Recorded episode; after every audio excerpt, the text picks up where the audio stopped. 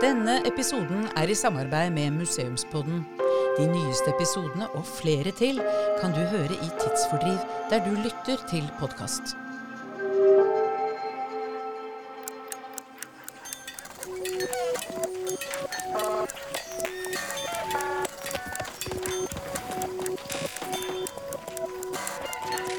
Siden dette er en historisk podkast, så går det an å nevne at altså, nå står vi midt oppi en historisk begivenhet. Historisk begivenhet. Alle mennesker har vel møtt kunst, men de har ikke sett det. Du kan si at vikingen har blitt et globalt fenomen. Altså, Hvor vanskeligere det kan man så for seg. da. Det var sånn typisk sånn blue sky. Velkommen til Vestfoldmuseenes podkast Tidsfordriv. I fjor kunne vi lese om en kurator, han het Gerhard Gottaas, som påsto at han hadde avdekket og restaurert en såkalt demonvegg inne i en middelalderkirke. Og dette fikk mye oppmerksomhet da det ble oppdaget på 1940-tallet. I 80 år så har dette gjort kirken til en turistattraksjon og skapt mystikk i Sauherad-bygda. Men så kommer det frem noe som kanskje er enda mer spennende, nemlig at den demonveggen slett ikke ble tegnet av en prest på 1600-tallet, som først de trodde, men av kuratoren selv. Det får meg til å lure på hvorfor forfalskes kunst? Med oss for å belyse dette har vi med oss kurator ved Haugar kunstmuseum, Erlend Hammer. Hei Erlend, velkommen til deg. Hei, hei. Tusen takk. Og så har vi også med oss en hva skal vi si, støttekontakt. Han heter Peter, historiker og nysgjerrig-Per. Hei, Peter. Hei, hei. Du Erlend, kort, hva jobber du med? Jeg jobber som kurator, som betyr at jeg jobber med utstillingsprogrammet på Haugar.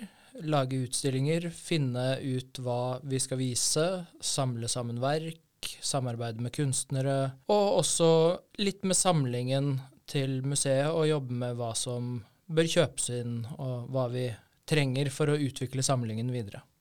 Høres ut som en veldig spennende jobb. Har du i ditt arbeid da eh, kommet over forfalskninger? Ikke så langt her i denne jobben, men eh, jeg har jo tidligere også jobbet eh, i Blomkvist kunsthandel, som er et auksjonshus hvor eh, man støter på problemer med forfalskninger langt hyppigere, og også hvor det selvfølgelig er noe av det viktigste man jobber med. Fordi når man skal selge et kunstverk, så er det jo av relativt stor betydning at det skal være ekte. Ja, det ville jeg tro. At hvis du skal kjøpe et kunstverk, så vil du ikke bli sittende med en dårlig kopi. Det er det ingen som vil. Nei, nemlig. Så uh, det er altså en av de største utfordringene kanskje i kunstverdenen i dag. Nettopp det der å klare å skille det ekte fra det uekte. I hvert fall i forhold til en del eldre historisk kunst er det selvfølgelig veldig veldig viktig. Så hva er historien om forfalskninger? Vet vi noe om første gang man avdekket det? Altså Et av de viktigste poengene mm, når det gjelder forfalskninger av kunst, er jo det at det er et forholdsvis nytt fenomen. Fordi uh, i tidligere tider så var jo ikke originalitet noe som egentlig hadde noen betydning. Altså kunsthistorien er jo først og fremst uh, utviklet gjennom veldig mye uh, religiøs kunst, altså kirkekunst uh, gjennom tidlig kristentid, bysantinske kirker, middelalder og renessanse. Og det er jo egentlig først når man får et privat marked for omsetning av kunst at problemstillingen melder seg. Ja, Og det er i nyere tid. Det er fra 1500-tallet og fremover. Ja, ok, Så det er egentlig ganske gammelt, altså, dette med forfalskninger. 1500 virker jo som det er en stund siden. Ja, for oss er det jo det, men i kunsthistorisk sammenheng så er det ganske nytt. Det forstår jeg. Så det er altså uh, kunst før denne perioden, altså som du snakker om bysantisk kunst og sånn, så hadde det et litt annet formål enn å være kunst Ja. i seg selv? At det var mer en, en slags opplysning, kanskje, da, f.eks. i kirker og, og sånne ting? Det var jo en form for uh, religiøs opplæring via, uh, via bilder, uh, som selvfølgelig også var veldig viktig fordi de færreste kunne lese. Så det å på en måte sitte i kirken og bli overveldet av de religiøse historiene i form av bilder, det var jo en sånn didaktisk funksjon som er noe helt annet enn hva vi egentlig forbinder med kunst i dag.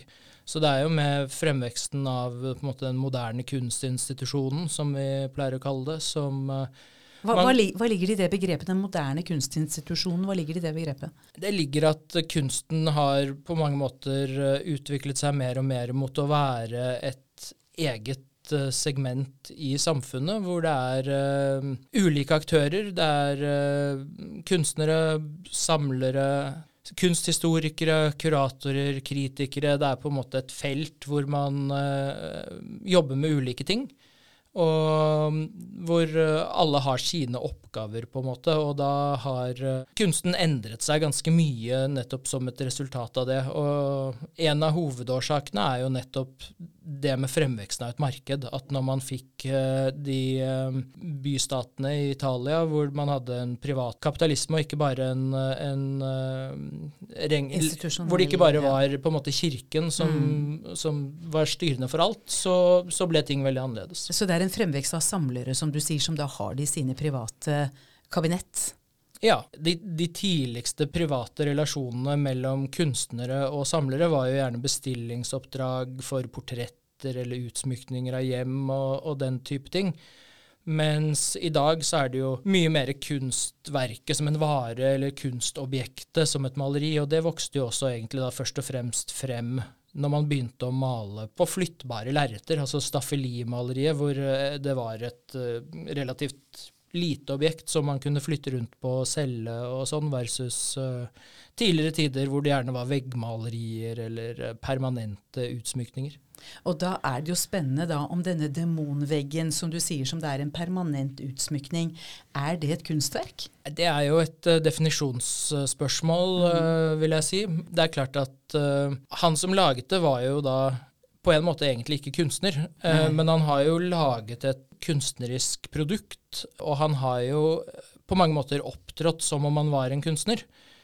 Men hva som har vært funksjonen med å gjøre det, er jo også uklart. Og det er jo også på mange måter ironisk at det han har forfalsket, er en sånn type kunst som det man nettopp hadde tidligere, hvor det ikke spilte noen rolle om noe var original eller kopi. Altså hvor det var uh, uvedkommende. Men, men det har en verdi fordi det har en fortelling i seg. Sier det noe om en mentalitet? Altså det sier vel først og fremst noe om et eller annet slags behov han har hatt for å sette noen spor etter seg. Da. Eh, og det er jo langt på vei det samme som man kan si at har vært motivasjonen til mange kunstnere opp gjennom årene uansett. Så han har jo hatt en veldig lik tanke, men det er klart at dette er jo ikke en forfalskning som er laget med et økonomisk motiv. Og det er jo stort sett økonomiske motiver som ligger til grunn for forfalskninger i kunstverden etter at man fikk det private kunstmarkedet, hvor ting kunne selges og kjøpes, og hvor det at noe var ekte, var avgjørende for verdien. Verdi knyttes veldig tett opp mot ekthet. Eh, en ekte Munch er verdt masse, og en falsk Munch er ikke verdt noen ting. Nei, ikke sant? Men da lurer jeg litt på dette med eh, altså ektehet, for da, er det jo gjerne kobla opp mot en kunstner. Altså den som har laget maleriet. på en måte. Eh, hvordan var det f.eks. du nevnte renessansen i Italia, hvor man hadde disse Leonardo da Vinci og disse kjente navnene. Forekom Kom det forfalskninger av de i sin samtid?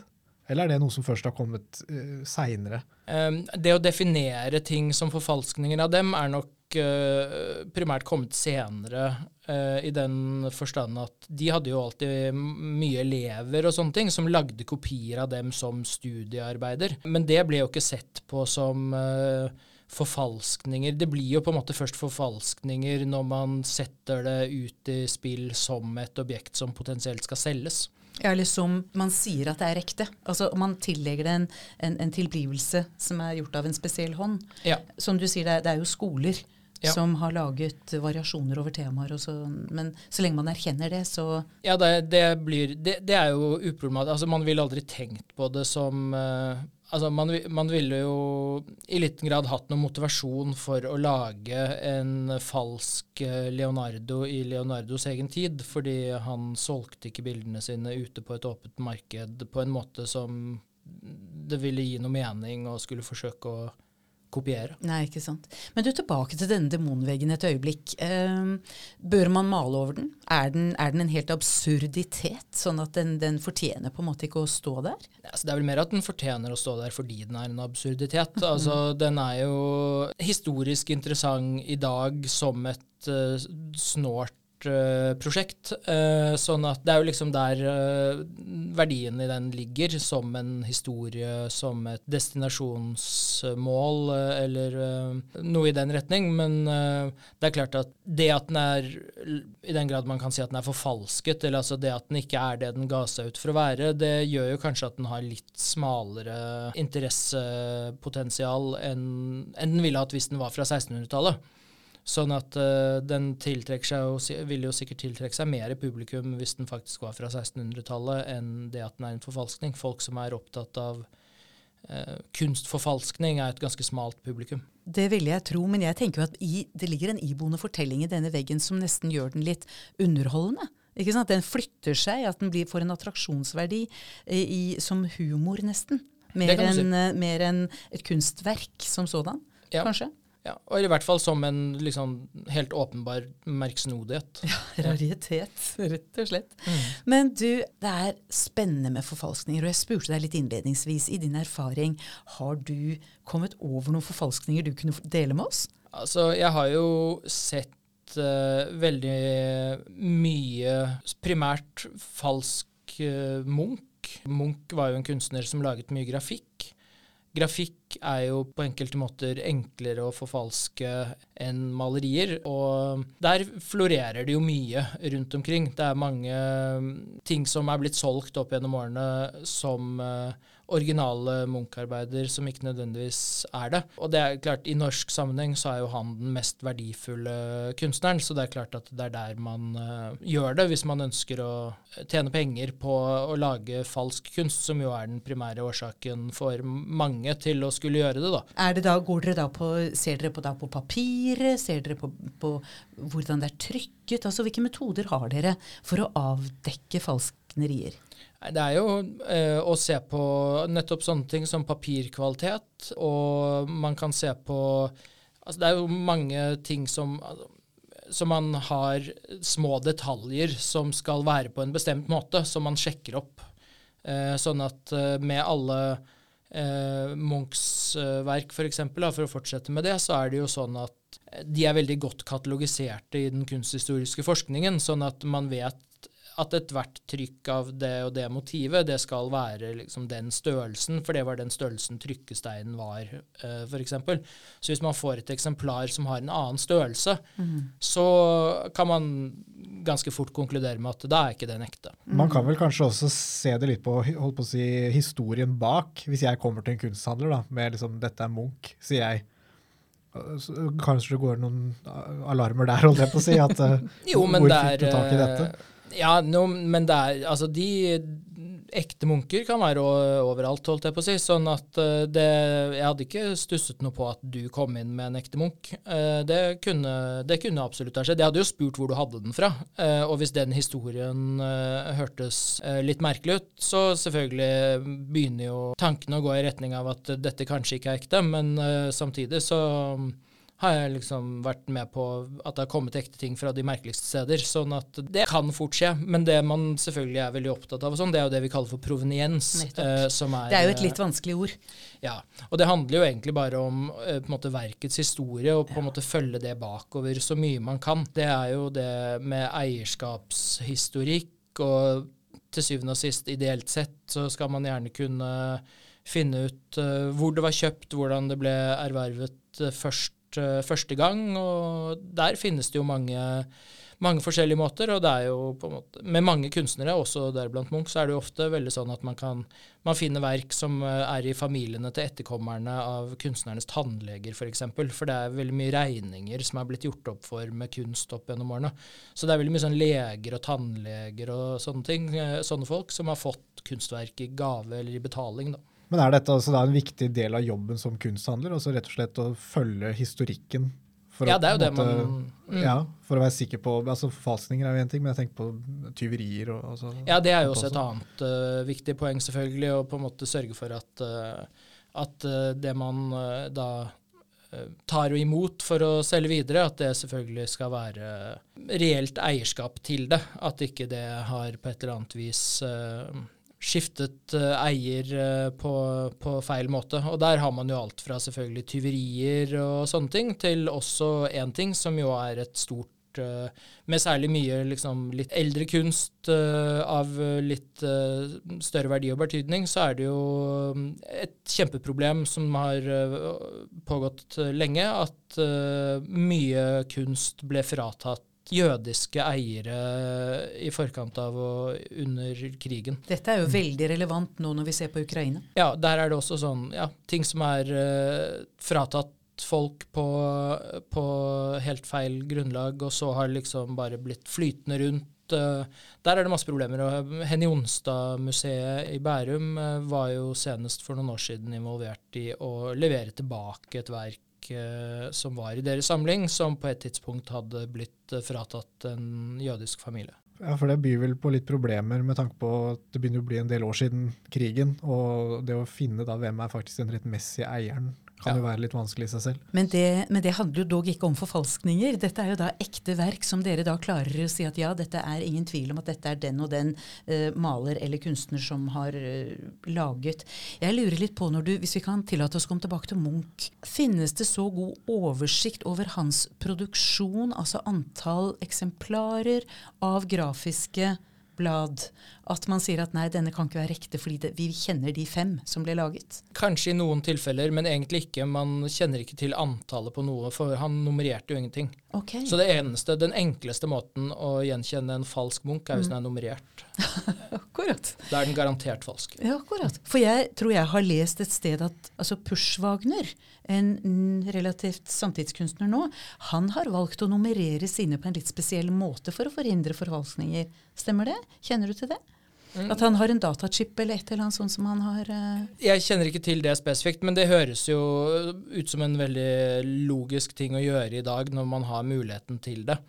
Eh, Men eh, sånn i forhold til det med Munch og, og antall eksemplarer man kjenner og, og sånn, så er det i den katalogiseringen som jeg nevnte i sted, som er et veldig omfattende bokverk i flere bind om Munchs grafikk, så listes det opp alle kjente eksemplarer. Men det dukker stadig vekk opp ukjente eksemplarer. Eh, Så det, det at eh, man ikke kjenner et eksemplar sin eksistens eh, fra før, behøver ikke å bety noen ting. Det betyr bare at dette verket ikke har vært i omløp siden ganske lenge før dette ble nedtegnet. Ja, ikke sant. Så, så dere er hele tiden åpne for ikke sant, at det tilflyter nye. Ja da, det, jo, det jobber jo museene Altså Munch-museet, som sitter med samlingen til Munch, jobber jo veldig aktivt med det, å supplere oversikten over verk som eksisterer, basert på hele tiden ny kunnskap. Du, det der med kunstforfalskning, eh, er det en ære for en kunstner å bli forfalsket?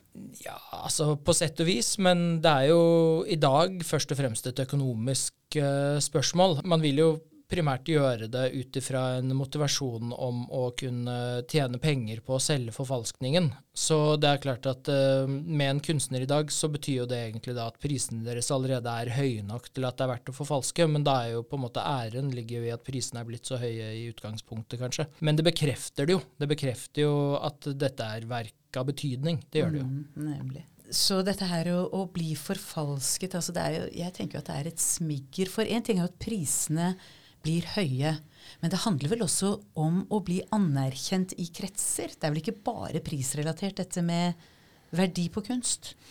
Verdien på kunst er jo selvfølgelig ikke bare økonomisk, men uh, verdien på en forfalskning vil vel sjelden ha noen uh, spesielt annen motivasjon.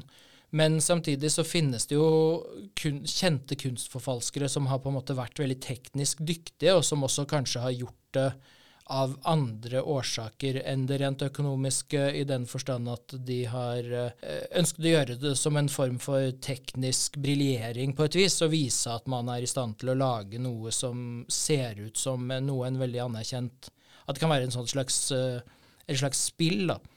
At man eh, som uh, kunstforfalsker uh, f.eks. kan ha et mål om å klare å få et uh, falskt verk inn i en museumssamling eller, uh, eller noe sånt. Og det kan jo skje. Ja, Det tenkte jeg faktisk akkurat på nå. Fins det eksempler på det, hvor et museum har stilt ut et verk, og så har det vist seg i ettertid at det var en forfalskning? Det er, det er garantert masse forfalskninger eh, i eh, museumssamlingene over hele verden. Ikke på Haugar eh, sannsynligvis, for Haugar er jo et ganske ungt museum, sånn at der har man liksom ikke kjøpt ting eh, fra gammelt av. For det er klart at kunnskapen om hva som er ekte og hva som er falskt, det kan jo endre seg. Sånn at selv om man sitter på et på en måte falskt kunstverk av eh, en, ja, la oss si, gude i dag, da, så er det ikke sikkert at man skal kaste det i peisen likevel. For det kan faktisk hende at det er ekte om ti år. Altså det, det finnes eksempler på det også, at man finner ny kunnskap om et verk, eller at man finner nye måter å analysere et verk på. Man kan finne ja, rett og slett informasjon, alt fra dagboknotater som bekrefter at noe er det det tidligere er blitt tvilt på at det skulle være, eller at man rett og slett lærer seg altså, I dag så er det også et veldig sånn stort liksom, Begynt å vokse frem en tradisjon for å, å, å teknisk analysere. altså Man har muligheten, man gjør liksom røntgenanalyser, man eh, ser på ting selvfølgelig i UV-lys og sånne ting, og man kan gjøre liksom kjemiske analyser, og det er masse forskjellige ting man kan gjøre og matche et kunstverk mot f.eks. den og den malingen som en bestemt kunstner brukte, og dermed plutselig klare å bekrefte at noe som man har tvilt på, likevel kan være ekte. Da. Har vi da spesielle institusjoner som jobber med dette her? Nei, det er egentlig da mm, tekniske konservatorer på museene er de som primært jobber med dette. Så det er jo også en veldig viktig, det er jo noe helt annet enn det jeg som kurator gjør. Men de som er liksom malerikonservatorer og de som jobber med sånne ting, de, de jobber jo med mye av den eh, problematikken veldig sånn materielt og hands on. Da. Nettopp. Vi så jo en del av det når vi så Munch nå, ikke sant? hvordan de jobbet med bildene og, og, og passet på dem da for flyttingen. Det var veldig spennende for oss å se, og hvordan da konservatorer jobber på mange nivåer. Men Erlend, med din erfaring da, så har du sett mange kunstverk opp igjennom. Tenker du at det er noen kunstnere som er lettere å forfalske enn andre? Ja, det er det jo definitivt. Det er jo veldig forskjell på det tekniske nivået i eh, hvordan forskjellige kunstnere har malt eller eh, jobbet med ja, skulptur, også for den saks skyld. En kunstner som det jo også fins en del uh, forfalskninger av, er jo uh, Gustav Vigeland.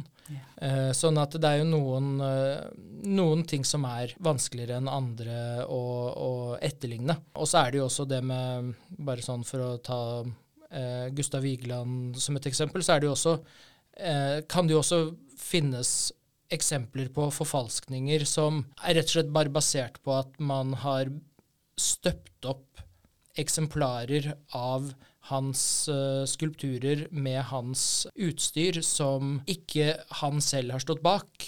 Og det er jo da egentlig teknisk ikke til å skille fra hans originaler, som er ekte. Men samtidig så vil de regnes som forfalskninger. Og en annen type kunst hvor dette er veldig eh, veldig relevant, er jo f.eks. foto, hvor du egentlig kan liksom reprodusere så mange eksemplarer som helst, men der har man jo en tradisjon for å nummerere. Og da nummererer man jo f.eks. opp til fem, og da skal det ikke være noe mer enn fem. Sånn at eh, dette er jo også da at selv om noen kan gå inn og da bruke den samme negativen og printe et helt likt eksemplar på det samme papiret som kunstneren selv er laget det fra, så er jo det et, fremdeles et falskt kunstverk, selv om det er egentlig materielt umulig å skille fra en original. Ja, så beveggrunnene ikke sant, for å lage flere kopier.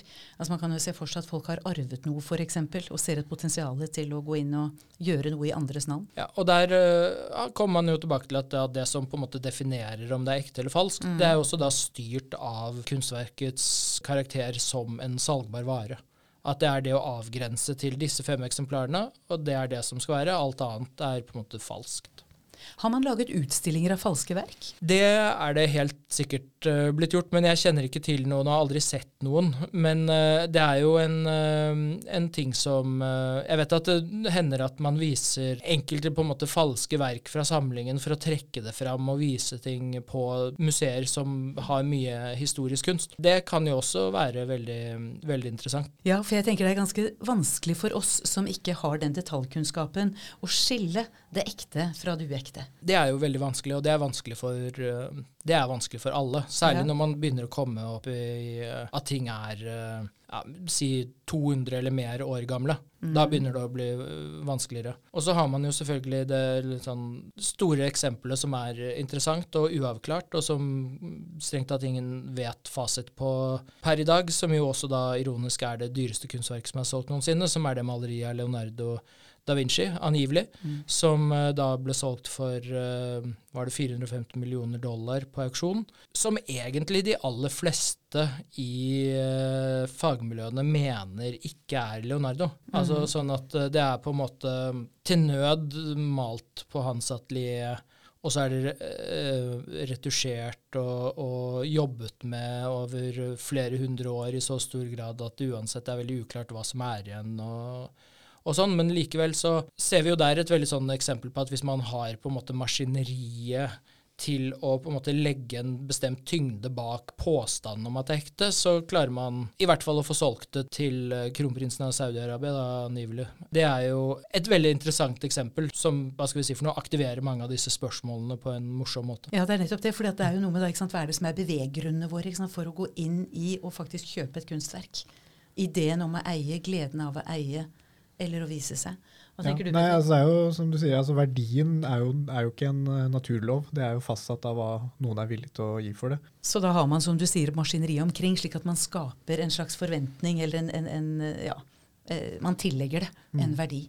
Og det er jo så spennende, for hva er god kunst? Kan du hjelpe oss med det, eller? Nei, dessverre. Så kort og kontant. Jeg hadde håpet at du nå skulle si at det fantes noen objektive kriterier for hva som er god kunst. Ja, Nei, det vil jeg i hvert fall påstå at det ikke gjør. Ja, ikke uh, jeg tenker at det kan være Hva skal jeg si for noe? Det er mye lettere å si hva som er dårlig kunst enn hva som er god kunst. Uh, men jeg har ikke tenkt å begi meg ut på det heller. Men det er jo et veldig åpent og fritt felt uh, hvor folk har ekstremt forskjellige oppfatninger, og hvor det er fullt mulig. Sånn at eh, man vil jo veldig sjelden finne ting som absolutt alle er enige om at er bra. Stort sett så er jo folk ekstremt uenige om hva som er bra og dårlig, og det handler jo også om at veldig mye av det som eh, kunst handler om, går veldig på det med smak. Men det som man kan si, er jo at innenfor på en måte samtidskunstfeltet, sånn som man jobber i dag, så har man jo selvfølgelig noen kriterier for hva som er bra og mindre bra. Men det er jo ikke objektive ting som man kan eh, sette liksom enkle to streker under svaret på. Det, det får man jo aldri. Så det der å ha en plakat av et kjent kunstverk hjemme på veggen, har det noen verdi? Det har jo en uh, sannsynligvis estetisk verdi hvis man liker å se på det, men det har jo ikke noen økonomisk verdi. Nei. Så da ville heller egentlig ikke en kopi av et kjent kunstverk. Det går inn i samme kategori. Ja, hvis det ikke har en annen side som gir det en eller annen ekstra dimensjon, da. Men uh, primært så vil jo kopien bare ha den effekten at den kan gi en estetisk glede, men uh, den uh, har jo på en måte i, i, i systemet så har den liksom ikke noen verdi. Nei, nettopp. Så da blir det, som du sier da, at kunst det er en subjektiv opplevelse. Med mindre du er aktør eller deltaker inn i dette store økonomiske landskapet, hvor kunst også er en investering.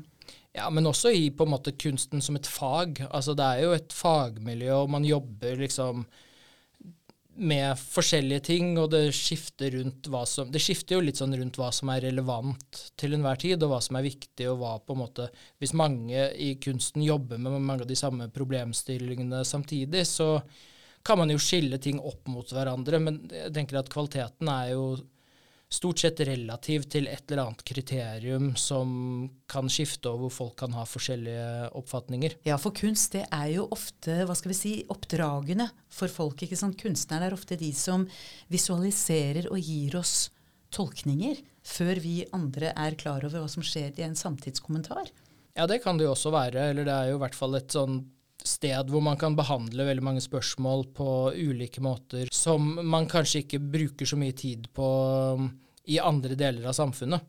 Det er klart. Og da lurer vi på da, ikke sant, om det er lov da å sitte der og kopiere som kunststudent på et museum og gå ut på gaten og selge det etterpå. Nei, det er jo strengt tatt ikke noe spesielt stor vits å gjøre det, holdt jeg på å si. Altså, den funksjonen med å sitte der og kopiere, den er jo for å øve opp sin egen tekniske ferdighet. Og det å selge det som en sånn estetisk hyggelig kopi, det um, har jo mindre for seg, vil jeg si. Men uh, på den andre side så kan det jo være mange som ønsker å kjøpe det, men uh, det er jo bare å skape problemer for barnebarna sine som uh, om 60 år går til en kunsthandler for å forsøke å selge det, og blir skuffet. Skillet må vel være at om du går inn med at dette er en kopi, at jeg skriver dette er Peters kopi av Skrik av Munch, istedenfor at jeg prøver å påstå at dette er Skrik Munch. Og sånn har jo kunstnere gjort veldig mye. Det finner man masse. Du finner veldig mye sånn oljemalerier som ser ut som Gude, f.eks. Hvor det var til rotasjon før da, for å skrive efter Gude, og så signere sin egen. Det, det, det, var på en måte en del av hvordan man gjorde det, men det er også sånn som typisk sett også bare skaper trøbbel i fremtiden. Da, når noen skraper bort efter og liksom den andre signaturen, og så bare står det en litt sånn tvilsom gudesignatur igjen. Ja, Det hører vi. altså. at Dette er jo et felt, da. Som du sier, det er jo et fag, og det er en fordypning, og det er en ja, en vitenskap, rett og slett. Og så er det da vanlige menneskers opplevelse av det estetiske eller det vakre som gjør dem glad. For kunst har jo mange eh, hva skal vi si eh, virkeområder i samfunnet. Mm. Og det da å skille det ekte fra det falske, er det viktig? Det er veldig situasjonsavhengig. Det er jo viktig i veldig mange deler av systemet. Eh, men om man for sin egen estetiske gledes skyld ser på en eh, ekte variant av brudeferden i Hardanger eller en forfalskning, det trenger jo ikke altså Det kan jo vekke de samme eh, hvis, man sitter, hvis, man støter på, er på ferie og støter på dette i ørkenen i USA, eller noe sånt, nå, så kan det jo vekke de samme uh, norske følelsene og lengslene, på en måte. Men forfalskningen vil jo alltid bare være en forfalskning eller en kopi. Trenger man å kunne noe om dette for å, å, å, å tillegge de, de, riktige følelsene? Altså Er det, er det kvalifisert synsing, kvalifisert uh, uh, Vurdering av estetisk ja, mm, mm, kvalitet? Mm, mm. Altså det, det, er jo masse kvalifikasjoner som gjør at uh, man kan vurdere ting på forskjellige måter hvis man har mye erfaring med kunst, eller ingen erfaring med kunst. Så er det jo sånn Det er jo ting man kan se Uh, også ting som om, om, er noe godt malt eller dårlig malt, er det slapt. Altså det, er sånn, det, er jo masse tekniske ting som det krever en viss uh, trening for å se, og det er jo derfor man har hatt i, i, i Man har jo hatt dette konnoissørbegrepet, som er liksom da kjennere, folk som på en måte forstår seg veldig bra på kunst, og de har hatt en autoritet. Og så er det jo nettopp det med forfalskninger handler jo også på mange måter også om å på en måte da utfordre kjennerne.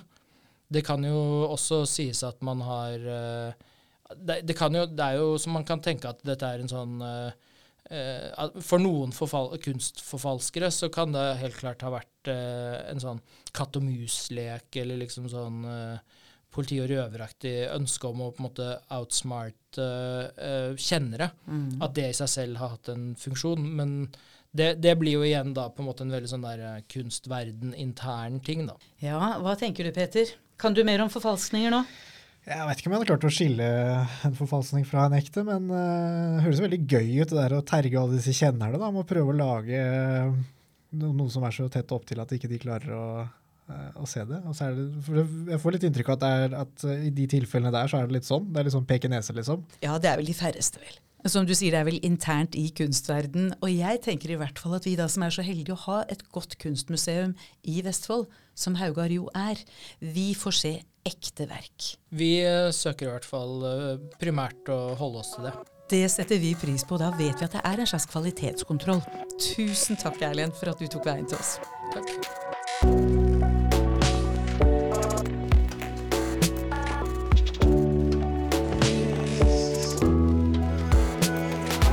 Denne episoden er laget av produsent Susann Melleby, lydtekniker og klipper Jon Anders Øyerud Bjerva, Petter Bøttinger og meg, Ellen Aspelin. Tidsfordriv er en podkast fra Vestfoldmuseene.